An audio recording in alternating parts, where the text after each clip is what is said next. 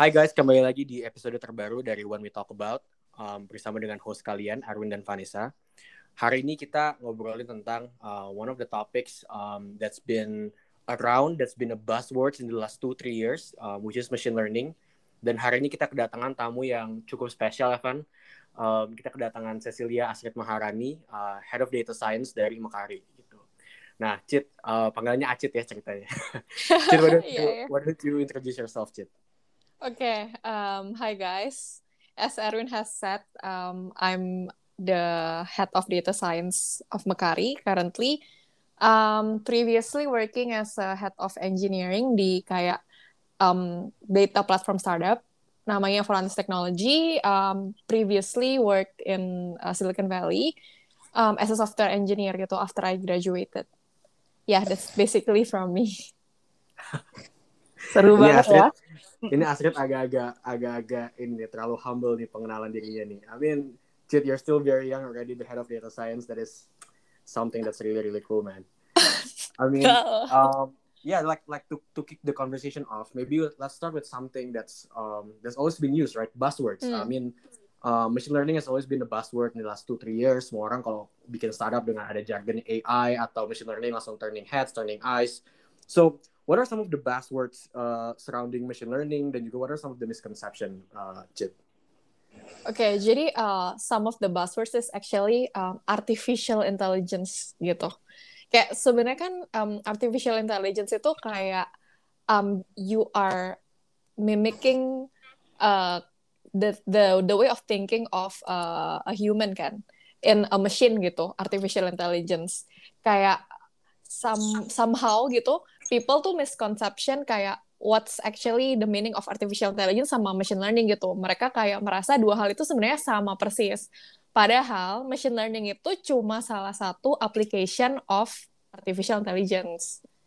Jadi selama itu yang selama ini kita sering dengar kayak oh ya kita pakai machine learning um, kayak businesses tuh sering banget kayak ngomong oh um, kita pakai machine learning uh, di dalam software kita, bla bla bla. Padahal it's actually only kayak simple algorithm gitu loh. Kayak bisa aja algoritma biasa. Atau itu sebenarnya masuk ke dalam ranahnya artificial intelligence, tapi itu nggak belum masuk ke ranahnya machine learning kayak gitu. Right. So um, tadi ada tiga ada tiga tiga tiga three different models yang I think ya you mentioned gitu. Hmm. First, it's just a normal algorithm. Second, it's machine learning. Third, it's artificial intelligence. What exactly um, separates these two aspects? Oke, okay. jadi um, sebenarnya AI itu uh, lebih kayak ke broader concept gitu loh, kayak broader concept kayak konsep yang lebih kayak lebar gitu tentang machines being able to carry out a task gitu. In a way kayak ya kita ngomong kayak oh machine-nya smart gitu. Nah, kalau machine learning itu justru kayak cuma satu application dari AI yang sebenarnya di idea itu kayak we are we are giving the machine a tons of kayak a ton of data terus the machine can access the data and then the the the machine kayak let them learn for themselves gitu. Jadi kayak um, kalau misalnya the machine is learning by itself with a certain algorithms that you give dan ya benar itu machine eh, itu uh, you're you're doing machine learning gitu. Nah kalau uh, tadi you mention algoritma yang ketiga ya. Yeah. Nah kalau algoritma itu sebenarnya a set of logic yang kita tuh actually do the coding gitu sih. Jadi kayak more algoritma sebenarnya more to like kayak a set of um, logic aja gitu. Everything can be called as algorithm gitu. Tapi biasanya uh, yang kita maksud tuh kayak set of logic. Right. So so what you're saying is um, machine learning in a way it's a it's it's also part of it's, it's also con- it contains some sort of algorithm that trains a model so that it can learn by itself. Jadi yeah, sebenarnya algorithm correct. is also part of the machine learning, right? Benar, benar, benar. Kalau misalnya ada juga tuh salah satu um, kind of like buzzwords as well, like heuristic model. Nah itu kalau misalnya dibandingin ke machine learning, is it like part of machine learning atau sebenarnya itu berbeda, Cit? Nah, it depends sih. Jadi, does the machine uh, learn by itself atau kayak kita kasih some heuristics terus kayak kita kayak ngasih kayak certain um, logic itu misalnya kan kalau heuristic kan kita kayak istilahnya kita kasih satu goal atau kayak satu tujuan gitu kan. Kayak uh, the machine misalnya kayak oh cobain uh, apa namanya cobain jalan ini gitu. Oh cobain jalan itu gitu. Kalau misalnya kita sebenarnya kalau kita ngasih uh, heuristiknya aja tapi kita udah kasih logiknya juga itu ya belum dimasukkan ke dalam machine learning gitu. Tapi kalau kita kasih heuristik dan we let the machine learn by itself itu masuk gitu ke machine learning. Hmm. Dan itu yang dinamain dengan deep learning bukan sih? Because I think this is like one of the techniques that uh, being used in the machine learning juga gitu kan, yang istilah menggunakan banyak lapisan jaringan neural gitu. Nah, deep learning itu sebenarnya beda lagi. Uh, deep learning itu lebih kepada an application of machine learning gitu. Jadi itu lebih deeper lagi daripada machine learning. Tapi deep learning itu lebih uh, tadi yang yang dibilang benar kayak uh, ada beberapa layers. Terus habis itu dia uh, train uh, in in this artificial neural network gitu kan. Tapi machine learning itu is more than an artificial neural network gitu. Hmm, karena iya benar kebetulan banget gue juga kerja di bagian yang mirip-mirip ya Cit ya kurang lebih nih nggak bisa didisclose mm-hmm. tapi basically dealing quite a lot with AI and then as you said it's like a part of like uh, actually it's like a broader concept of machine learning juga kan misalnya dia AI itu sendiri, eh machine learning itu sendiri ada di dalam AI itu. Terus you have like the deep learning inside the machine learning. Ada juga nih beberapa mungkin teman-teman di sini yang juga tahu soal big data, right? And then data science. Nah, mungkin hmm. bisa di, juga nih Cit. Bedanya misconceptionsnya nih apa dengan machine learning? Oke, okay, it's actually one of the buzzwords juga ya big data.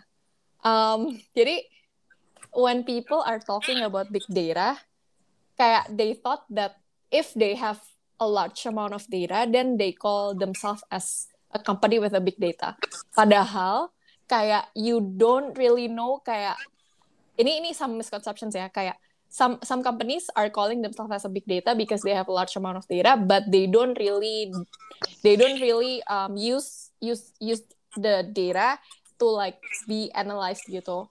Jadi um, ya misconceptionnya di situ sih. Sama tadi apa big data versus data science ya nah kalau mm-hmm. data science is more like uh, doing doing something with the data that can actually impact the business sih jadi sebenarnya data science itu bisa masuk ke dalam Uh, jadi dalam di bawahnya data science itu bisa juga ada business intelligence, terus ada data analytics dan ada machine learning juga gitu. Itu uh, in my opinion ya. Soalnya kan uh, di sini sering kali juga sebenarnya data, data scientist kayak banyak yang uh, cuma machine learning doang gitu mikirnya. Padahal kalau di kalau role out there gitu misalnya data, data scientist itu mungkin aja ada data scientist dan juga ada machine learning engineer gitu.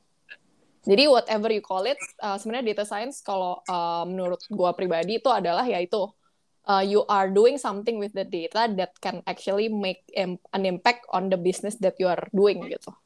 Right, interesting, Chit. I think that that word exactly right there, um, utilizing data to impact the business, right? That that actually brings me to our next question. Um, in in your opinion, how can a business utilize machine learning, or maybe you can give us an example of maybe in your workplace di Makari, um, how do you guys use machine learning to improve the business? Okay, um, one of the use cases uh, in machine learning in our company is actually to predict um, whether the customers are going to churn or not gitu.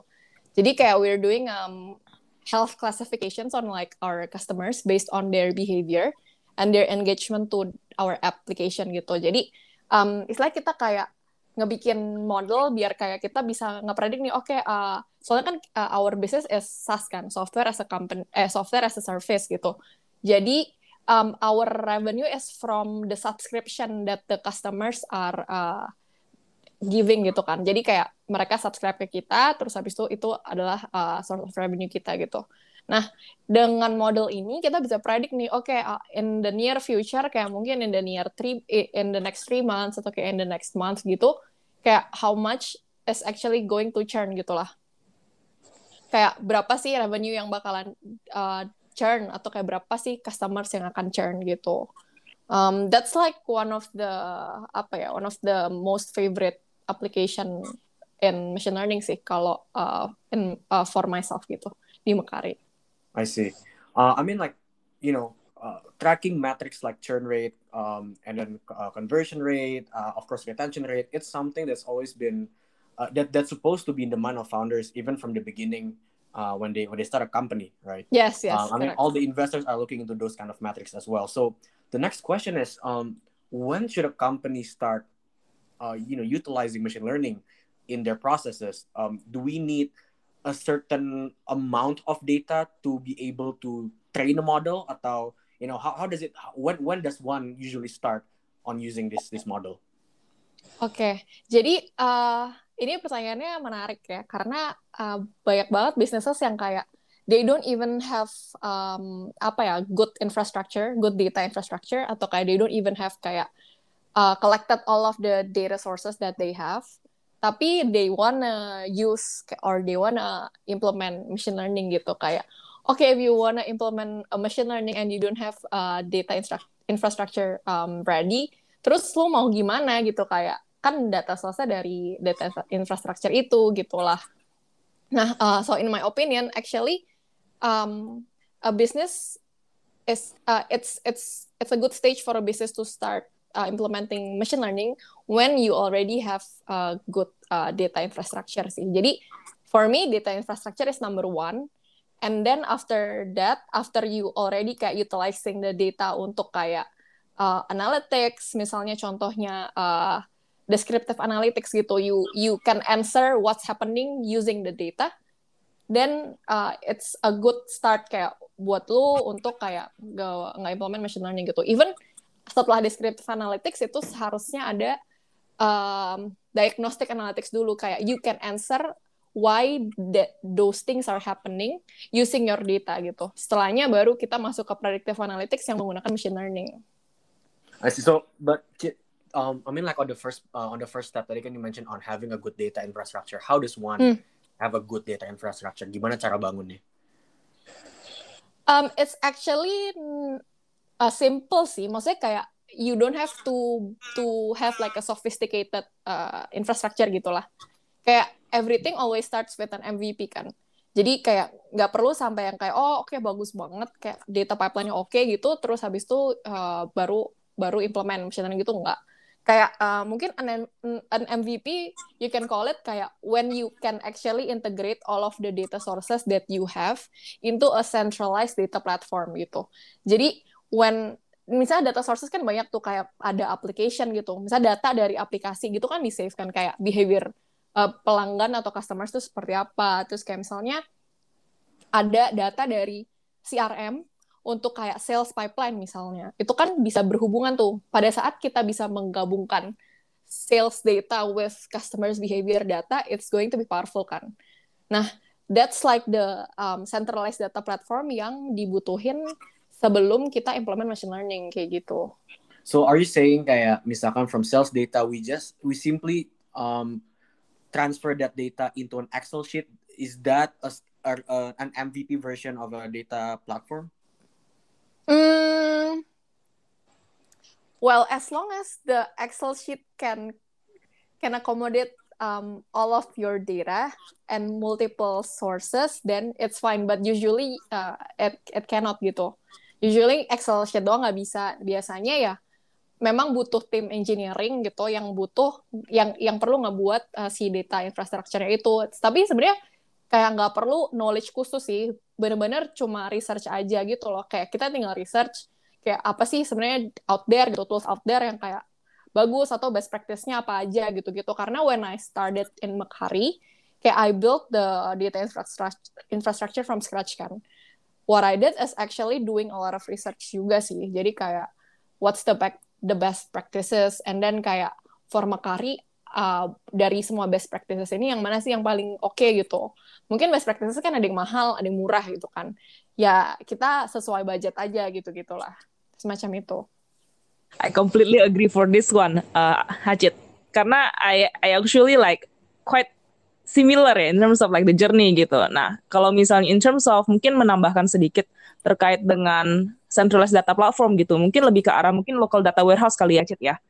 At least you can multiple users can access it in the in a in a cloud misalnya kayak gitu dan actually that's uh, serving the purpose in terms of like uh, ETL dan lain-lainnya gitu. Misalnya dari data engineering, terus you can use it for analytics, and then moving forward kalau udah cukup bisa dilakukan dari segi statistik ya mungkin ya, yang bisa diaplikasikan untuk machine learning.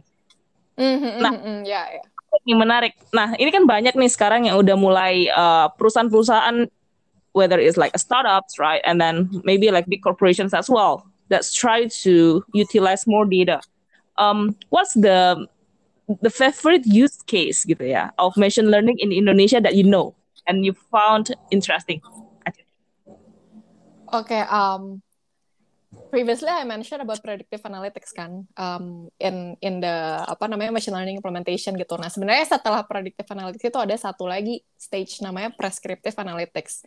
When you can actually um, getting uh, gain atau kayak getting a future advantage or kayak mitigate a threat when you are implementing the machine learning gitu. Nah, itu masuk ke prescriptive analytics. Salah satu contohnya itu adalah recommendations engine. Jadi, uh, recommendations engine itu kan kayak works both way gitu kan. Bukan cuma kayak data kita ambil, kita predik, terus ya udah. Tapi data, misalnya data dari customer kita ambil, kita masukin ke model, kita balikin lagi ke customer dalam bentuk recommendation gitu. Jadi, sebenarnya my favorite uh, my favorite and very common application of machine learning is actually recommendation system gitu in Indonesia ya bisa di um, dari YouTube gitu. Kalau itu kan mungkin bukan Indonesia. Kalau di Indonesia mungkin kayak uh, e-commerce gitulah. Kayak uh, you based on your uh, shopping experience atau kayak based on your uh, behavior on like the search engine and stuff kayak you get a recommendation of which product that you might be interested in buying gitu. Hmm, interesting. Any particular tips and trick and maybe like tools that you use in terms of uh, implementing this machine learning or slash data science concept uh, through your work and everything? Um, tools ya. Kalau tools, I would suggest sih sebenarnya semua uh, unquiet platform agnostic. Jadi kayak um, usually kan yang yang gede AWS, Amazon atau Google Cloud Platform kan, uh, GCP. Kayak either AWS atau GCP tuh punya uh, same functionality lah kayak mereka tuh uh, equal juga jadi I'm quite platform agnostic tapi uh, they offer kayak good big data tools juga misalnya kalau di AWS Amazon itu ada Athena kayak query engine atau kayak hmm. ada uh, Amazon Redshift ya kalau nggak salah namanya terus ada um, S3 juga is a good big data storage juga gitu atau kalau di um, GCP ya ada BigQuery lah yang sangat terkenal itu gitu. Hmm. So moving to the next question gitu ya, how do you think it's enough right for like startups or like corporations to start doing uh, or utilizing machine learning? Which areas where machine learning are underutilized do you think, and how do people should in, uh, how do people increase its usage? Um, sebenarnya ini the areas ya mungkin areas uh, I would say lebih kayak di Indonesia um, people uh, people are underutilizing machine learning in um, healthcare um, atau health tech uh, use cases sih jadi kayak I think sekarang itu kan uh, maksudnya health uh, health technology kayak lagi booming juga kan harusnya kayak for the reason kayak dari for the recent three to five years lah gitu. Tapi uh, in my opinion, in my personal opinion, belum belum ada kayak um, suatu startup or one product that is actually utilizing machine learning in this um, industry yang revolutionary gitu di Indonesia. Nah sebenarnya ini apa ya the potential is very big sih dan kayak masih ada opportunity di sini gitu. Because ya tadi yang gue mention, it's still underutilized juga. Nah, kalau misalnya teman-teman listener kita mau mulai belajar nih ya, mau mulai utilize machine learning gitu, what's the first step, Acit? Jadi istilahnya gimana nih, misalnya dari yang zero understanding towards like machine learning, and then should they actually learn coding first, or gimana nih? Mungkin ada sedikit tips and trick dari head of data science yang Mekari gitu kan. Okay, this question is very often being asked to me juga sih. Uh, kayak um, pertama kali yang bisa dilakuin mungkin uh, pertanyaan yang pertama dulu kayak uh, background dulu. Apakah pernah belajar coding atau enggak? Kalau udah pernah belajar coding, tinggal uh, belajar-belajar kayak bisa buka Kaggle, website Kaggle uh, K A G G L E itu kayak ada banyak banget project, ada banyak banget datasets yang bisa dimainin buat kayak contoh-contoh project gitu. Um, misalnya kayak uh, contoh-contoh analytics project yang kayak mau dicobain gitu, itu bisa buka Kaggle atau kalau misalnya belum paham sama sekali, uh, my uh, recommendation would be kayak ngambil course di either Udemy, Coursera, gitu-gitu sih, Udacity. Karena banyak banget um, kayak even free classes yang bisa nge-jumpstart kayak your knowledge and data science gitu. One last question uh, hmm. to close this conversation up. Um, obviously, there are many advantages of using machine learning, right? Um, hmm. From predictive analytic, uh, analytics to you know improving a lot of metrics lah in uh, in a startup gitu. But are there any disadvantages of using machine learning? Okay, um, of course there's a trade trade off kan kayak if you are doing something to like uh, boost your efficiency gitu. Kita bisa bilang kalau machine learning itu salah satu use case juga untuk nge-boost uh, efficiency kan. Itu pasti ada uh, some kind of like disadvantages yang kayak we have to take gitu. Contohnya misal kayak um, this machine learning is kayak learning by uh, itself kan. Kayak kita nggak lagi kayak manual lihat data habis itu ngasih tahu oh ini A oh ini B gitu. Nah the disadvantage itu bisa kayak pada saat the accuracy is not ready for production atau even itu udah ready for production gitu. Misalnya kayak when the prediction is wrong kayak itu bisa cost um, apa ya cost uh, lumayan big impact on the business gitu. Contohnya, misalnya tadi yang uh, I mention kayak we are uh, having a model to predict kayak our customers is going to churn or not gitu.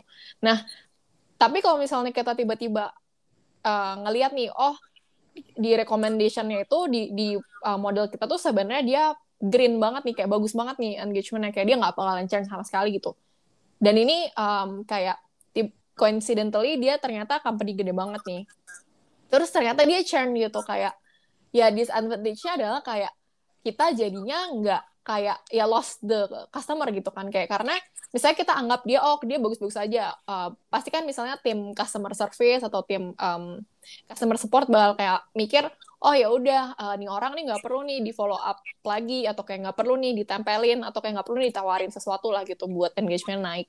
Tapi karena itu ternyata dia malahan salah gitu malahan dia mau churn jadinya ya ya udah uh, lost aja gitu. Nah itu mungkin bisa menjadi kayak salah satu kejelekan atau kayak disadvantage yang machine learning ini bisa kasih sih. Makanya sering kali um, what we are doing itu kayak we are re reiterating the model terus kayak selalu doing kayak research and development on the model biar bisa selalu improve um, apa akurasinya gitu.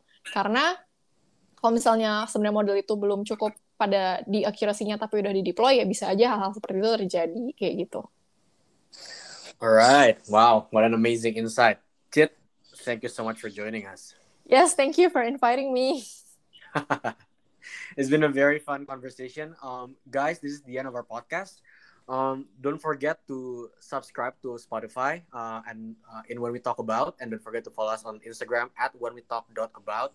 So this is your host, Aaron and Vanessa, and See you in our next episode. Bye. Bye-bye. Bye.